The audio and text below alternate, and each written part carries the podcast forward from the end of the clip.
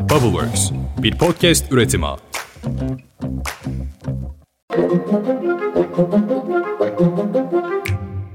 Günaydın. Bugün 23 Haziran 2023. Ben Özlem Gürses. Kurban Bayramı'ndan önceki son iş günü sabahında bir kez daha kulaklarınızdayım. Bubbleworks Media ile birlikte hazırladığımız 5 dakikada dünya gündemine hepiniz hoş geldiniz.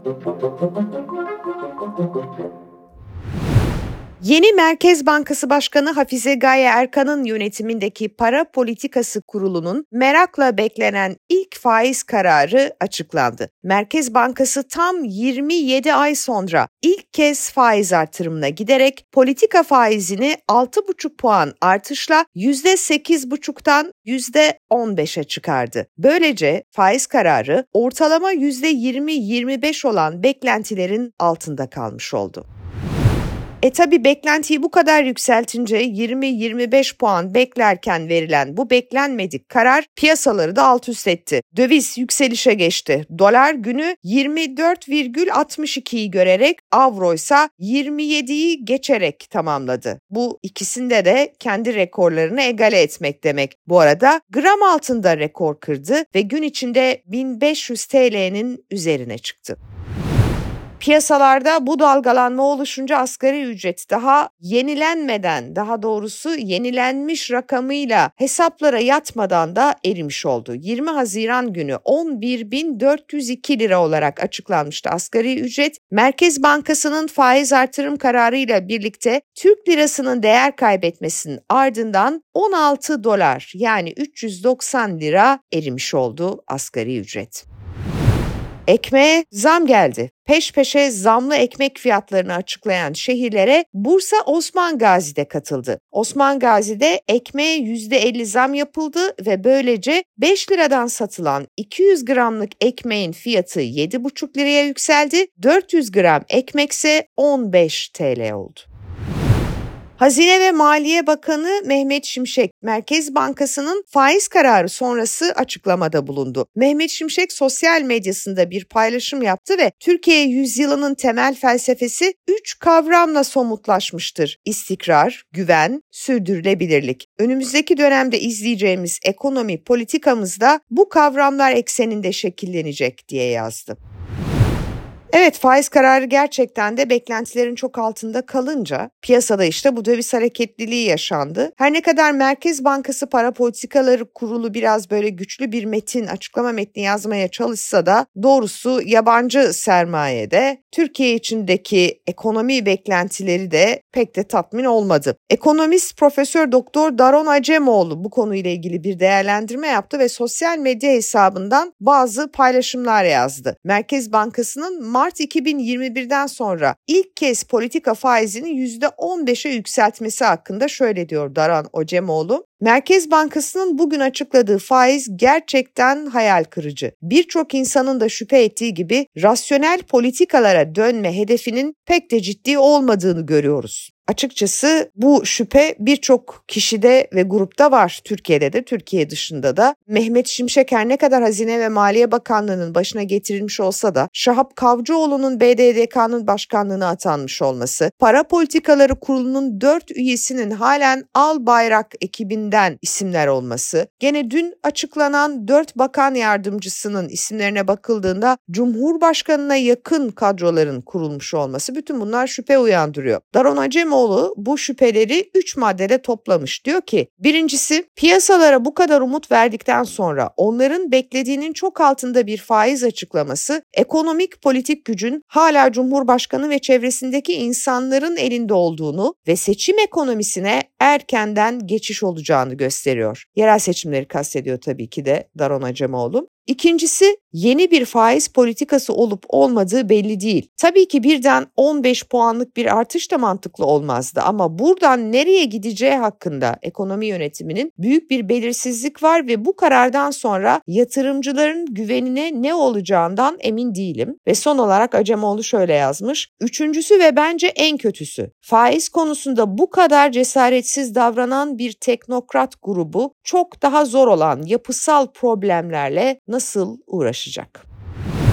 Bu arada hatırlayacaksınız tam da bu kritik faiz kararından önce Cumhurbaşkanı Yardımcısı Cevdet Yılmaz'la Hazine ve Maliye Bakanı Mehmet Şimşek bir günlük çalışma ziyareti için Birleşik Arap Emirlikleri'ne gitmişti. Birleşik Arap Emirlikleri'nde devlet başkanı Şeyh Muhammed Bin Zayed El Nahyan'la görüşmüş bu iki isim ve Cumhurbaşkanı yardımcılığından edinilen bilgiye göre görüşmede iki ülke arasındaki ilişkiler ve ekonomik işbirliği imkanları değerlendirilmiş. Geçelim muhalefetin içindeki tartışmalara. Uzun bir aradan sonra CHP Genel Başkanı Kemal Kılıçdaroğlu Tele1 televizyonunda bir canlı yayında soruları yanıtladı. Yayında kendisine İstanbul Büyükşehir Belediye Başkanı Ekrem İmamoğlu'nun değişim çağrısı da soruldu. Kılıçdaroğlu değişimin bayraktarlığını yapan bir siyasi partiye nasıl değişimin önünü aç dersiniz? Bir kişinin iradesiyle değişim olmaz dedi. İmamoğlu'nun aday olup olmayacağı sorusuna ise şu yanıtı verdi. Elbette aday olabilir. Niye o aday olmasın? Ekrem Bey e, başarılı bir belediye başkanımızdır. Son e, seçimlerde biz 20-22 ilçeyi yanlış a, hatırlamıyorsam alabilecek potansiyele eriştik. 22 ilçe alınır.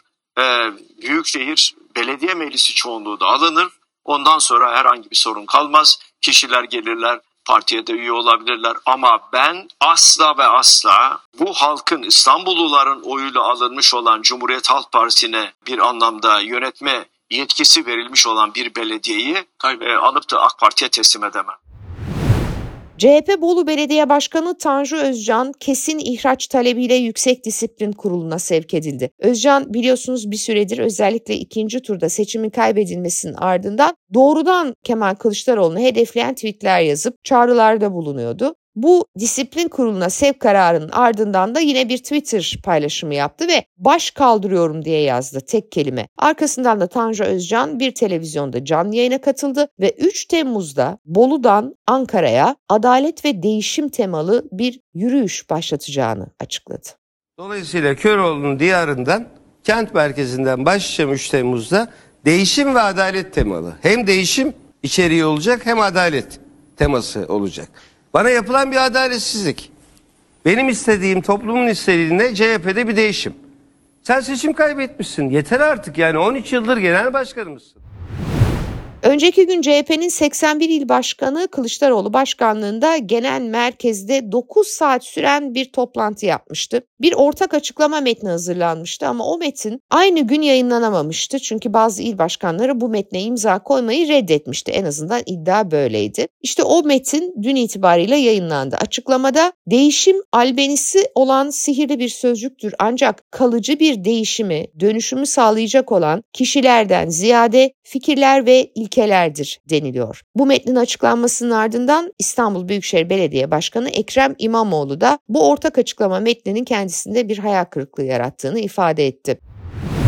Ekrem İmamoğlu'nun İbrahim Selim Talk Show'u söyleşisi ise bu akşam YouTube kanalında yayınlanacak. Bakalım İmamoğlu orada hangi sorulara ne mesajlar verdi? Bu arada İyi Parti kurultayı da yarın gerçekleşiyor. Ankara Ato Kongresum'da yapılacak olan kurultayda Meral Akşener genel başkanlığa tek aday. Ortak Akıl platformunun bir aday çıkartması bekleniyordu ancak son dakikada parti için muhalefet aday çıkartmaktan vazgeçti. Meral Akşener'in yarınki kurultayda sert bir konuşma yapıp Millet İttifakı'ndan ayrıldığını söylemesi bekleniyor. Kılıçdaroğlu'na ve ittifak masasına da sert eleştiriler getirecek Akşener yarınki sonraki konuşmasında. Efendim güzel, umutlu bir hafta sonu diliyorum size. Tabii ki Akşener'in bu kurultay konuşmasını değerlendireceğimiz ve sıcak haber gündemini vereceğimiz pazartesi sabahı podcastimiz yine erken saatte yayında olacak. Sonrası bayram bir dört gün mola vereceğiz ama bunu da duyuracağız zaten. Şimdiden güzel tatiller olsun. Görüşünceye dek hoşçakalın.